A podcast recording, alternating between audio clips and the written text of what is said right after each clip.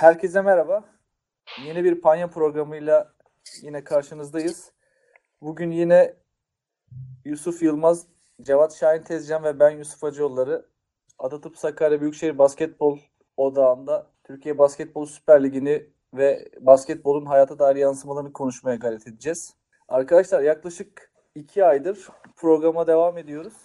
Artık 8. bölümle dinleyicilerin karşısında olacağız. Ya ben süreçten keyif alıyorum.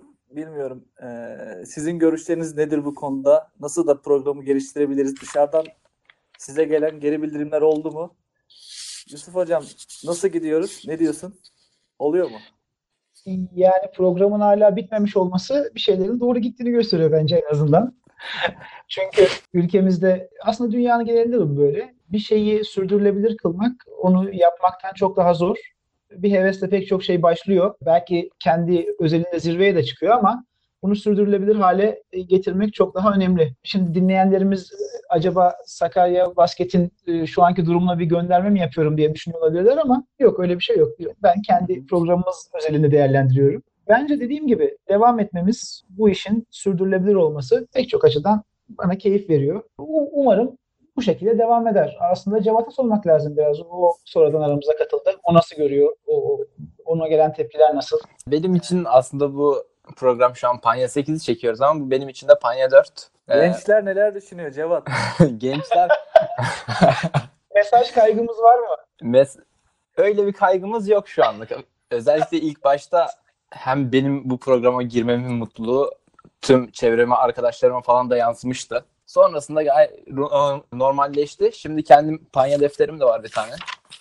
Onu da not çıkarıyorum. Evet. Çalışıyor musun? Çok Pro- iyi. Program öncesi çalışıyorum. Mesela Panya 7'de 3 sayfalık not çıkarmışım. Şimdi bir sayfa geçti. Program sonunda bu da hemen hemen 3 sayfa olur gibi. Minik bir arşive doğru gidiyorum diyorsun. Bence çok önemli bir şey söyledin. Umarım Yani güzel kend- olabilir. Yani hem kendime bir şeyler katmaya çalışıyorum hem de biz dinleyenlere bir şeyler katmaya çalışıyoruz burada. Kitlemiz çok büyük değil ama en azından değerli bir kitlemiz var. Evet, kar topu misali. Yavaş yavaş. Bence iyi gidiyor. Ya bir de Ben- kimseye bir şey öğretmek gibi bir havası olmadığı için programın abi. O yüzden bence çok büyük bir misyon yok üzerimizde. Yani biz burada bakın beyler siz bilmiyorsunuz biz biliyoruz bu böyle olur şu şöyle olur diye ahkam, ahkam kesmeye çalışan tipler olsak e, belki hani ya e, bu insanları incittik mi diye düşünebiliriz ama burada e, amacımız kimseyi üzmek kırmak değil. Sadece arkadaş ortamında herkesin yapabileceği bir sohbeti biz e, dinlemek isteyen kulaklara ulaştırmaya çalışıyoruz. Bu kadar. Süper. Yani dinleyici sayıları da bence iyi gidiyor. Ee, en azından her bölüm üzerine koyduğunu ben düşünüyorum. Daha da iyi olacağını düşünüyorum. Yani sonuçta basketbolun kitlesi de belli. Biraz sonra konuşacağımız konuların arasında da belki geçecek. Ee, daha dar bir kitleye hitap ediyoruz.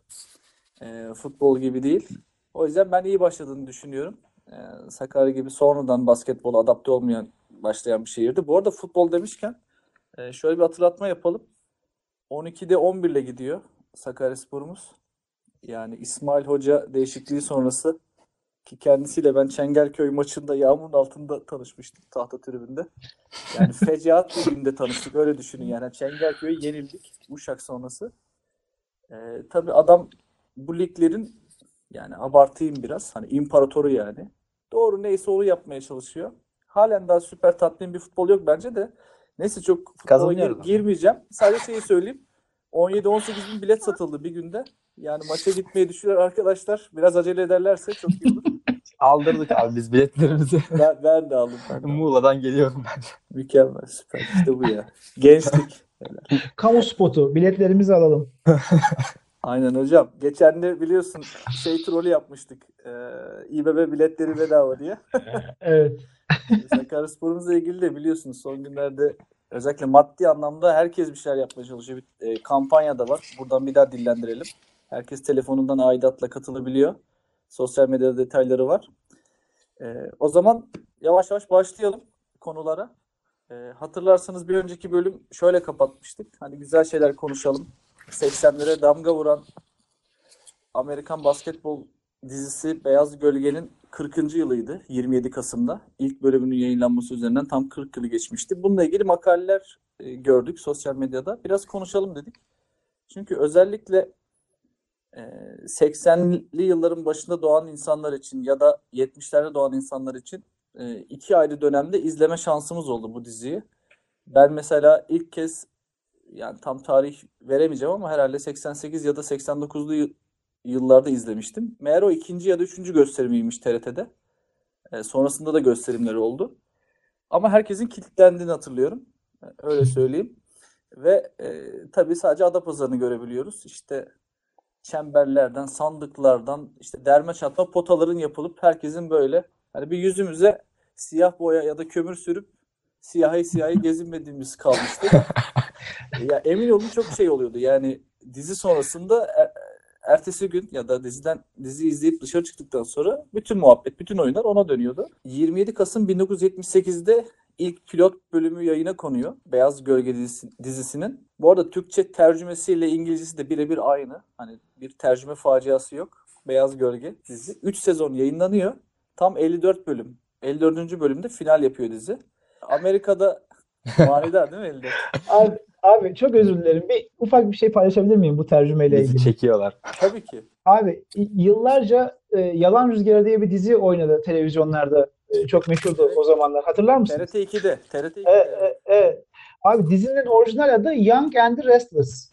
Tamam mı? Yani Y ve R harfleri dizinin girişinde çok vurgulandığı için büyük büyük kocaman yalan rüzgarı yapıp diziyi bize e, yıllarca izlettirdiler bu şekilde. Öğrendiğimde bayağı bir şok yaşamıştım. Bunun böyle olması Evet. daha iyi aslında gerçekten. Birebir tercüme. Ben, ben bence de daha iyi. Ee, yani şöyle aslında e, diziden sonra da e, Amerika'da sektöre damga vuran isimler var. Mesela yapımcı Bruce Peltrow diye birisi daha sonra çok önemli dizilere imza atıyor. İşte ana karakter Coach Reeves dediğimiz Ken Howard geçtiğimiz yıllarda e, hayatını kaybetti. Çok önemli dizilerde görev yapıyor. En önemlisi de o günkü basketbol takımından yani o liseli çocuklardan 3 tanesi e, yönetmenlik yapıyor. Sektörde öyle ilerliyorlar. Hatta bir tanesi Lost dizisinin direktörü, e, yönetmeni düzeltiyorum. E, dizi başarılı ama reytingleri alt üst etmiyor. Sadece sosyal açıdan bir e, damga vuruyor diyelim Amerika'ya. E, 3 TRT'de sezon sürüyor zaten değil mi abi? Ta- evet 3 sezon. TRT'de ilk kez 1981 yılında yani Amerika'daki yayın bittikten sonra muhtemelen haklarını satın alıp yayınlamaya başlıyor. Ee, tabii Türkiye'de o zamanlar basketbol için daha da bir e, dar bir kadro var ama en azından bilinçli bir kitle oluşturmasında hatta hani böyle çok jenerik bir laf olacak ama Türkiye'yi basketbolu sevdiren dizi diye çıkar hemen Google'a yazdığınızda ki bence doğrudur. Evet öyle çıkıyor. Öyle çıkıyor değil mi Cevat? Yani izleme şansı bulamamış jenerasyonun olsun. Aradın mı Google'a Google'a baktın mı? Oo, baktım abi bakmaz olur muyum ya? E, videoları bile yok ya. Yani önemli kısmı şuydu hocam. Sa- Sana da pas atmadan yani benim hatırladığım kadarıyla e, yani bir kere şey vardı. Bilinçli bir tercihti muhtemelen. E, beyaz bir koç vardı. Önce onu söyleyeyim. E, işte Chicago Bulls'ta oynarken sakatlanıp bir daha basketbola dönemeyecek olması, sonra bir lise takımının başına geçmesiyle e, ana karakter Koç Reeves'ti. E tabii bu nasıl bir koç? Hani şöyle bir e, şeyi vardı. Yani beyaz göl- göl- gölge de oradan geliyor. İşte ne yaparsanız ben yanınızdayım, ne yaparsanız arkanızdayım. İşte çocukların öğretmenlerle olan, ebeveynlerle olan sıkıntılarını, sorunlarını çözüp e, ilk kendini zor da olsa kabul ettirip müthiş bir performans ortaya koymuştu. Her bölümde etik değerlerle ilgili mesajlar vardı. Düşündürüyordu yani dizi. E, ama esas şey bence şuydu. İşte Hispanik dediğimiz işte Latin kökenli insanlar, işte Afro-Amerikanlar, siyahiler, e, İtalyan göçmenleri böyle karman çorman bir öğrenci grubuydu.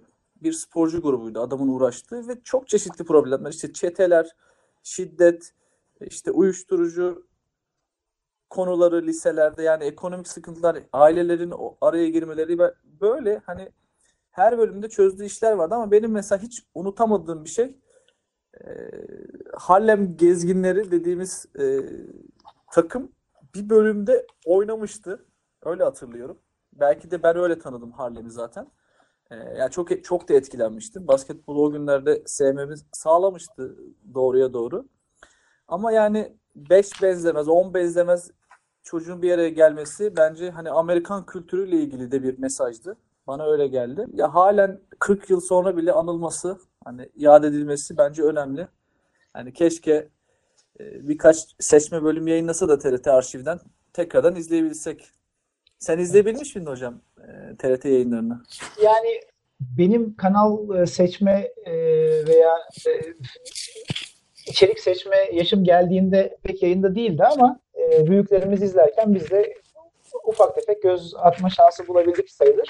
Fakat Hı hı. e, Beyaz Gölge'yi bence e, yani eğer olayı televizyonculuk açısından bakacaksak e, Amerikalılar böyle şeyleri çok severler e, biliyorsunuz. Yani e, kahramanlık hikayesi. Tarihi çok kısa zamanlara dayalı bir yerleşim yeri olduğu için kahramanlar yaratıp bir şeyler onların üzerinden bir hikaye anlatmayı sever Amerikalılar.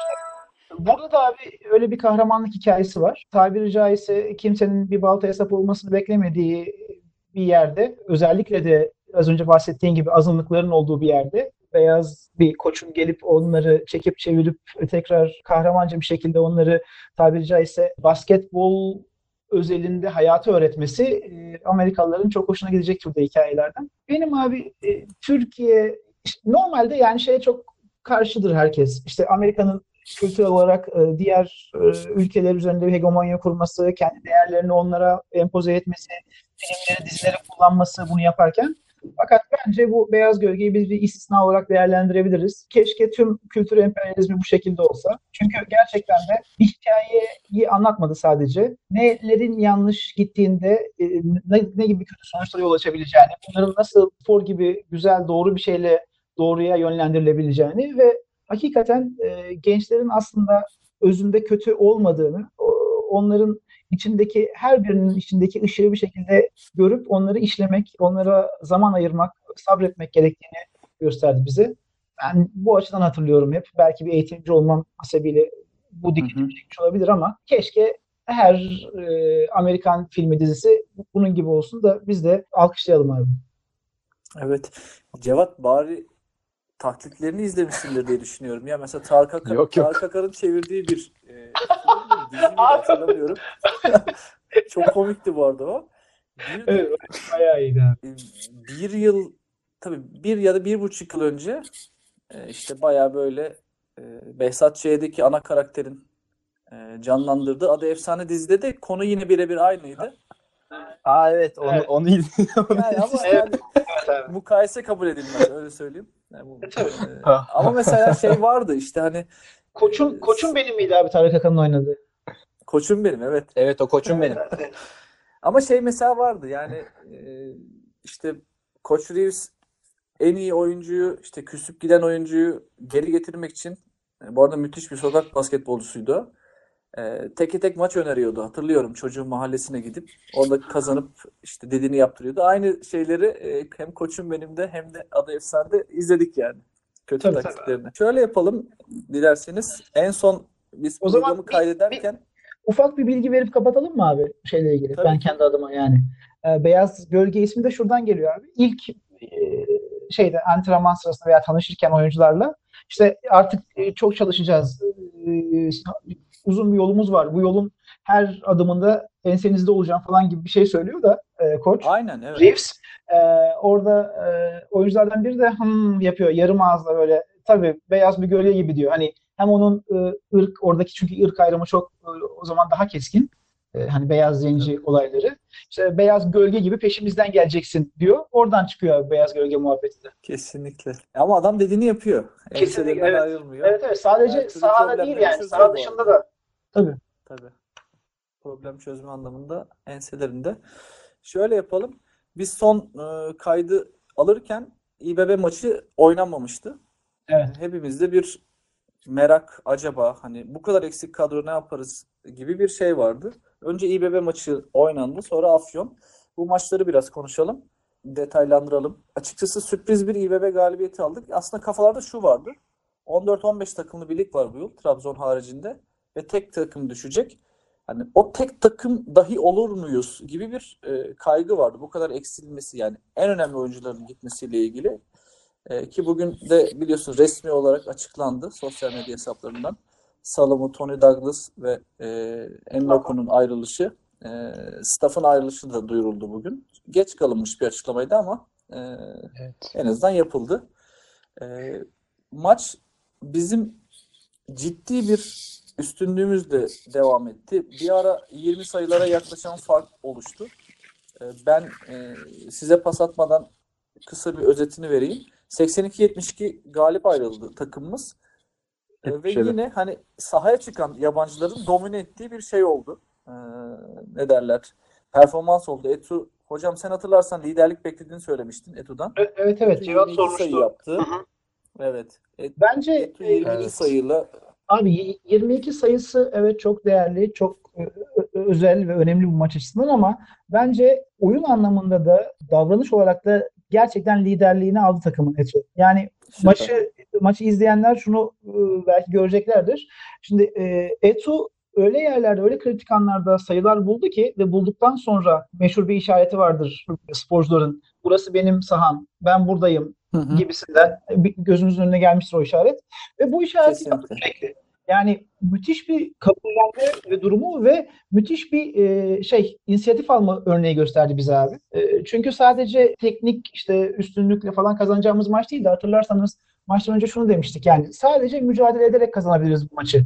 Çünkü çok büyük sıkıntılarımız var. Çok büyük eksikliklerimiz var. Sadece reaksiyon vererek kazanabiliriz demiştik. E, Etu da abi e, bu şeyin hem fitilini yaktı, hem varilini patlattı, hem e, müthiş bir e, alev topuna dönüşmesine sebep oldu bu işin. Tamam. Cevat'a Abi ben Etu'yu şey ya Etu konusunda biraz sıkıntılarım var mesela hala benim.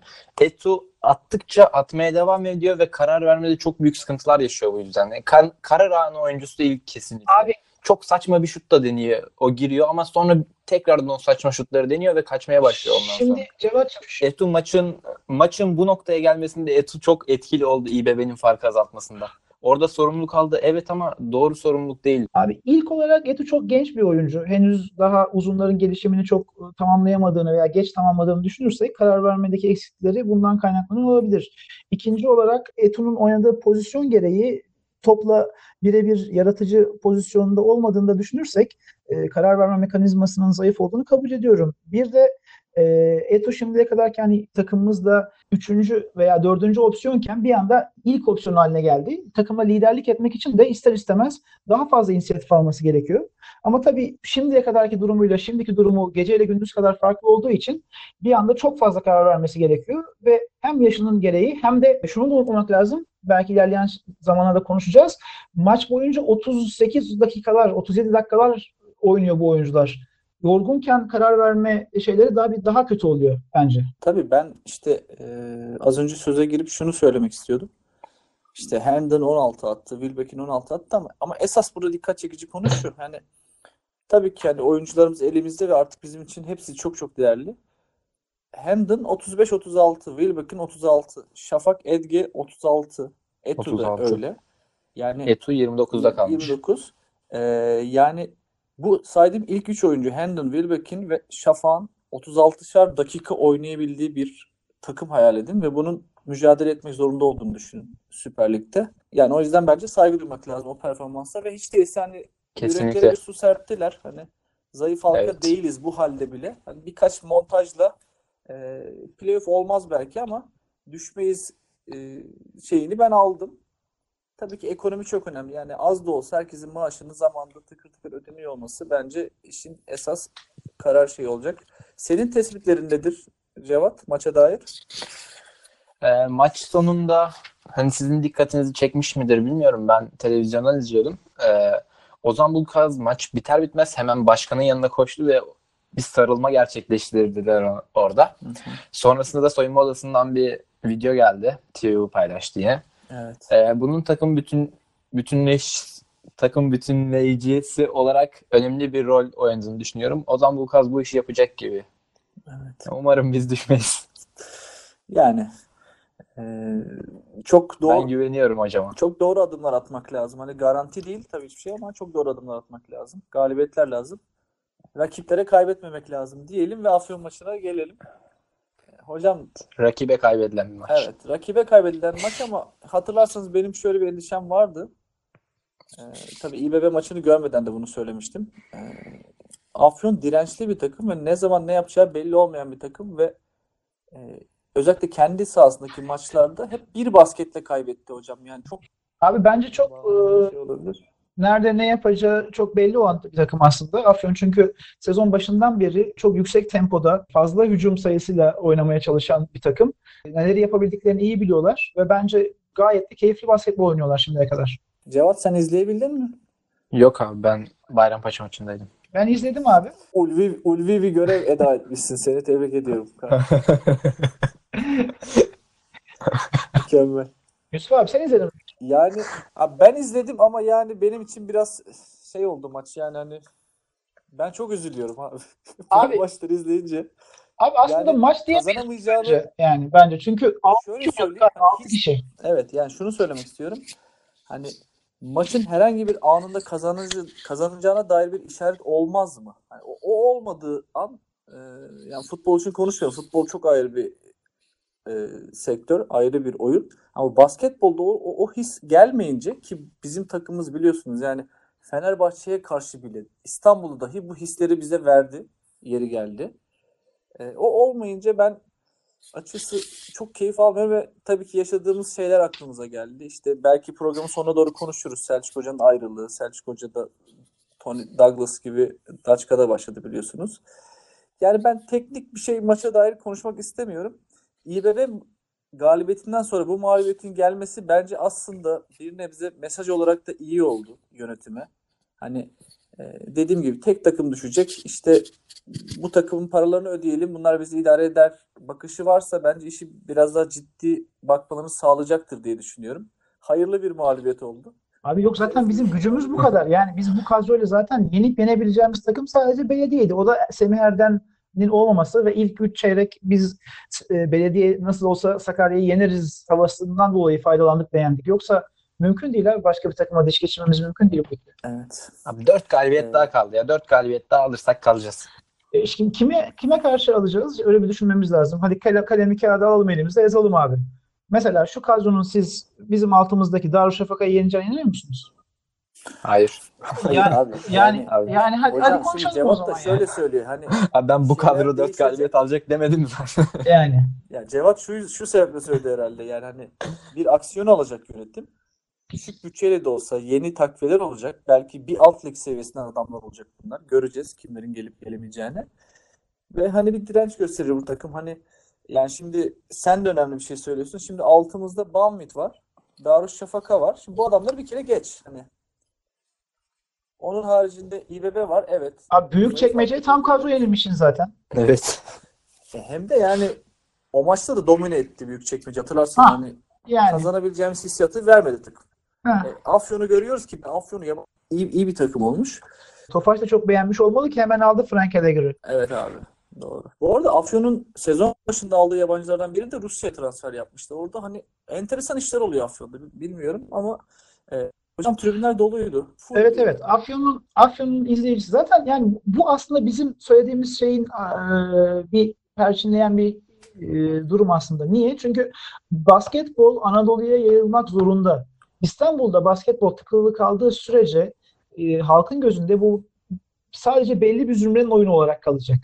Şimdi bakalım abi ligde Fenerbahçe, Efes, Büyükçekmece, Belediye, Darüşşafaka bunlar hep İstanbul takımları. Bahçeşehir. 6 tane Bahçeşehir. takım Bahçeşehir, e, pardon 6 tane takım İstanbul takımı. Şimdi ne kadar az yayıldığını görebiliyoruz basketbolun. Ama Afyon gibi böyle seyircisiyle beraber oyunun içinde olan kentlerin sayısı arttıkça bence basketbolun geleceği çok daha aydınlık olacak. Hocam 6'dan çok fazla İstanbul takımı. Galatasaray, Fener, Beşiktaş. Ha Galatasaray, Beşiktaş'ta yani çok fazla hafta benim bir, bir çırpıda aklıma gelenler En az onlar. 8. Evet en az İşte 8 sek- takım. Yok. İşte 8 Doğru takım yani düşünün. Yar- yarısından fazlası şu anda. Hı hı. Yani madem şeyi açtık, isterseniz Galatasaray maçına geçmeden e, hani Aa, Cevat maçla ilgili galibiyet- benim- Bir iki söyleyeceğim şeyim var abi. Onu bitireyim mi ben? Afyon maçıyla ilgili. Tabii. Abi bu maç bizim için çok önemli. Kazanmamız gerekiyor mecburen. Ee, direkt rakibimize karşı oynuyoruz.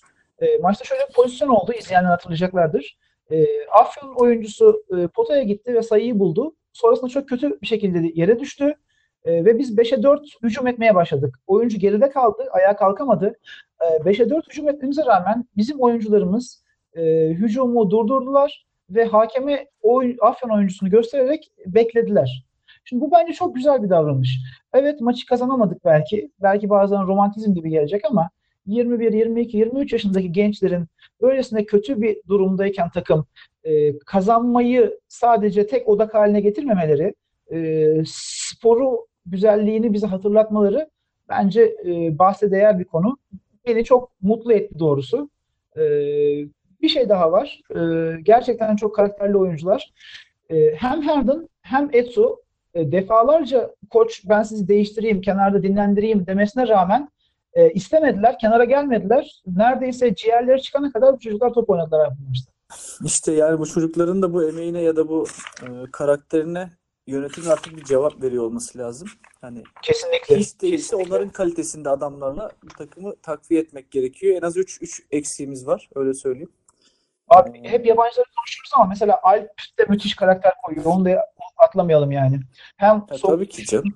aldığı sorumluluk müthiş parlıyor gözümüzün önünde abi. Alp'e önceki programların prime time'ını ayırdık. Hatırlarsan. Her Kesinlikle. programda e, adı geçti. İyi andık e, kendisini. Yani maçlara şöyle bir ara verelim bence. E, hani Cevat'ın az önce açtığı yoldan hani 4 galibiyet gelir yolundan hani bir ön kabul var orada. Bir takviye olur gibi. E, ete kemiğe bürünmeye başladı ama e, bazı isimler var ortada. Hatta şu an e, Sakarya'da yaşayan bir guard var. Duke Mondi diye.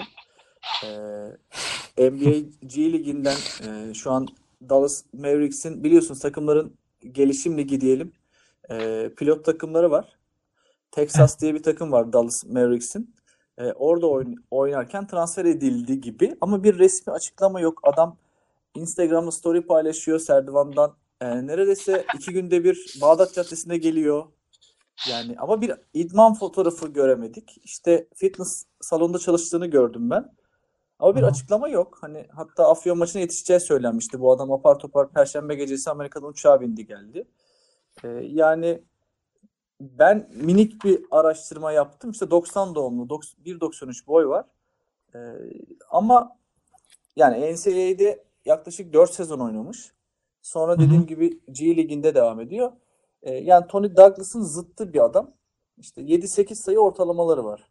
E, asiste ama hani 6'nın üzerine çıkıyor. Burada Douglas'la e, örtüşen bir yapısı var.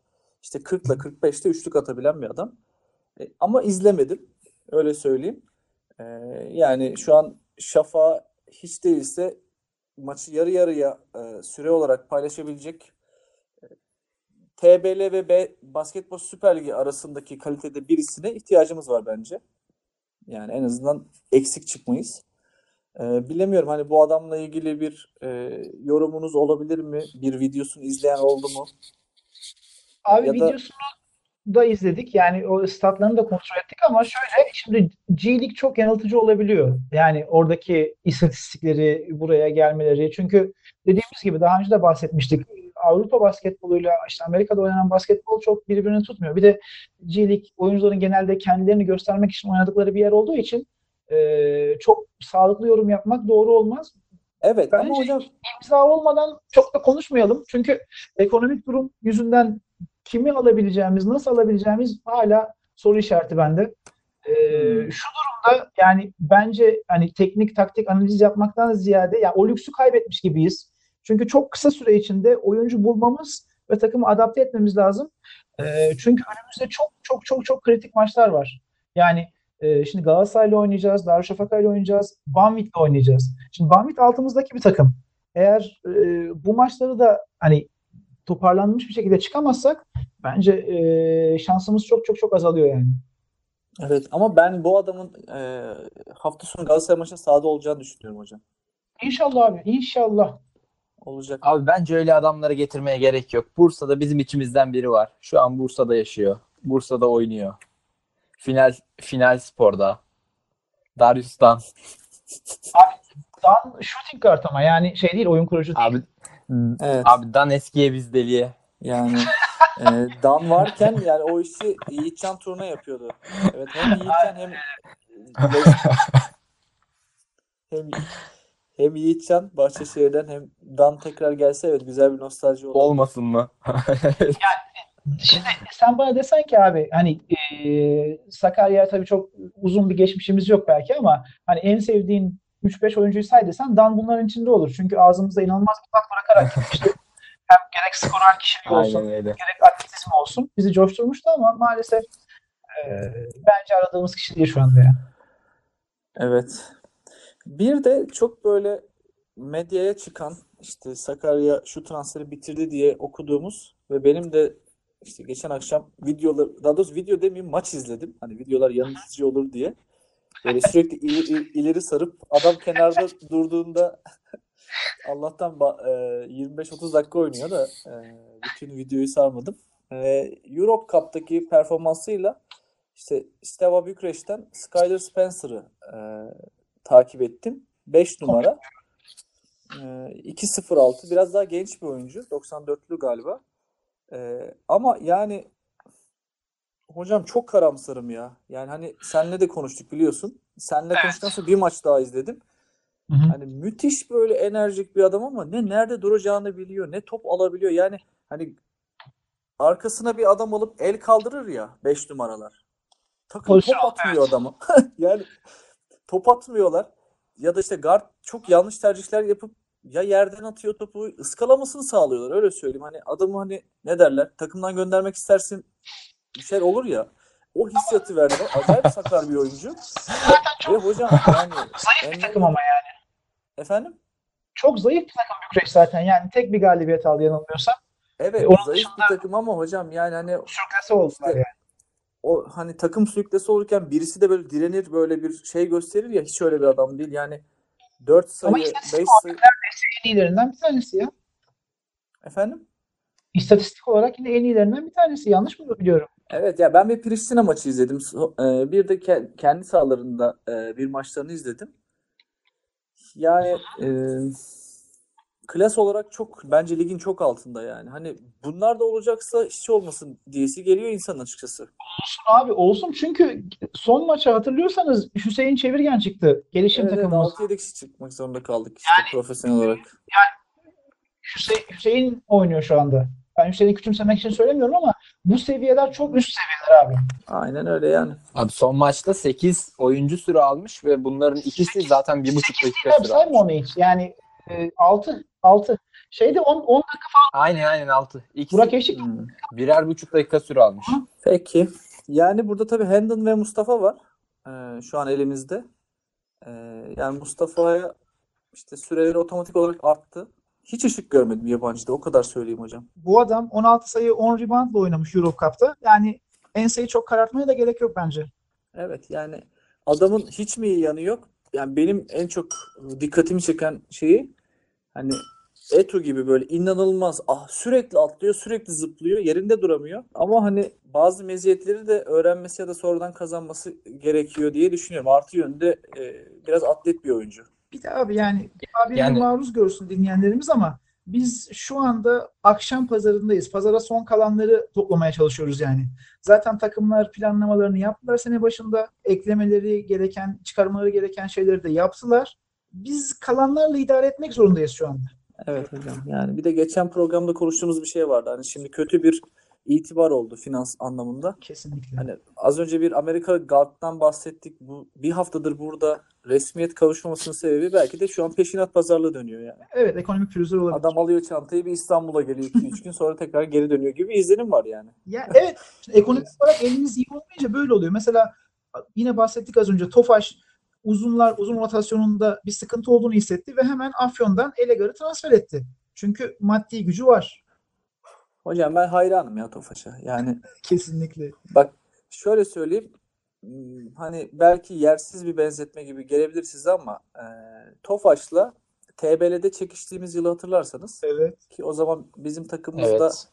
bir önceki yıla göre daha kötüydük hatırlarsanız. Hem daha kötüydük hem de e, Tofaş gibi bir e, ekolle maalesef karşı karşıya kalmıştık. E, playoff'ta değil ligdeki maçta e, ben tabii hani Tofaş'ın düştüğünü bile yeni öğrendim. Aa Tofaş bizdeymiş falan. Ben o zaman Bursa'da yaşıyorum. Evet. Maça gittim. E, ya lütfen kimse yanlış anlamasın ama şunu söyleyeceğim size. Orhun Ene dahil adamların bench'inde 11 tane takım elbise giymiş ekip üyesi vardı. asistan koçları, istatistikçisi, genel menajeri yani Tofaş'ı şampiyon yapan Tolga Öngören diye bir koç bile o 3-4 kişilik ana menajer. koç ve yardımcı koçdaydı yani. Hani bizim tarafa baktım böyle garibim yani bir koçumuz var yanında bir Okan işte, Çevik vardı.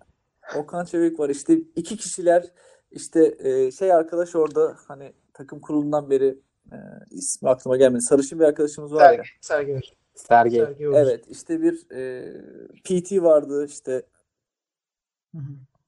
Arkadaş. personal trainer diyeyim. E, o arkadaş vardı. Yani orada bile o şey, gücü hissediyorsun. Abi Yani adam oyuncu hariç 10-11 tane staffla orada kenarda ve o kurdukları kadronun üzerine şu an halen devam ediyorlar biliyorsunuz. Hani Meyyas'ı hep yani Barış Ermiş'i hepsi o gün de oynuyordu. Sadece işte Ümit Sonkollar falan ayrıldı o takımdan. Yiğit Canlar sonradan ayrıldı hatırlarsınız.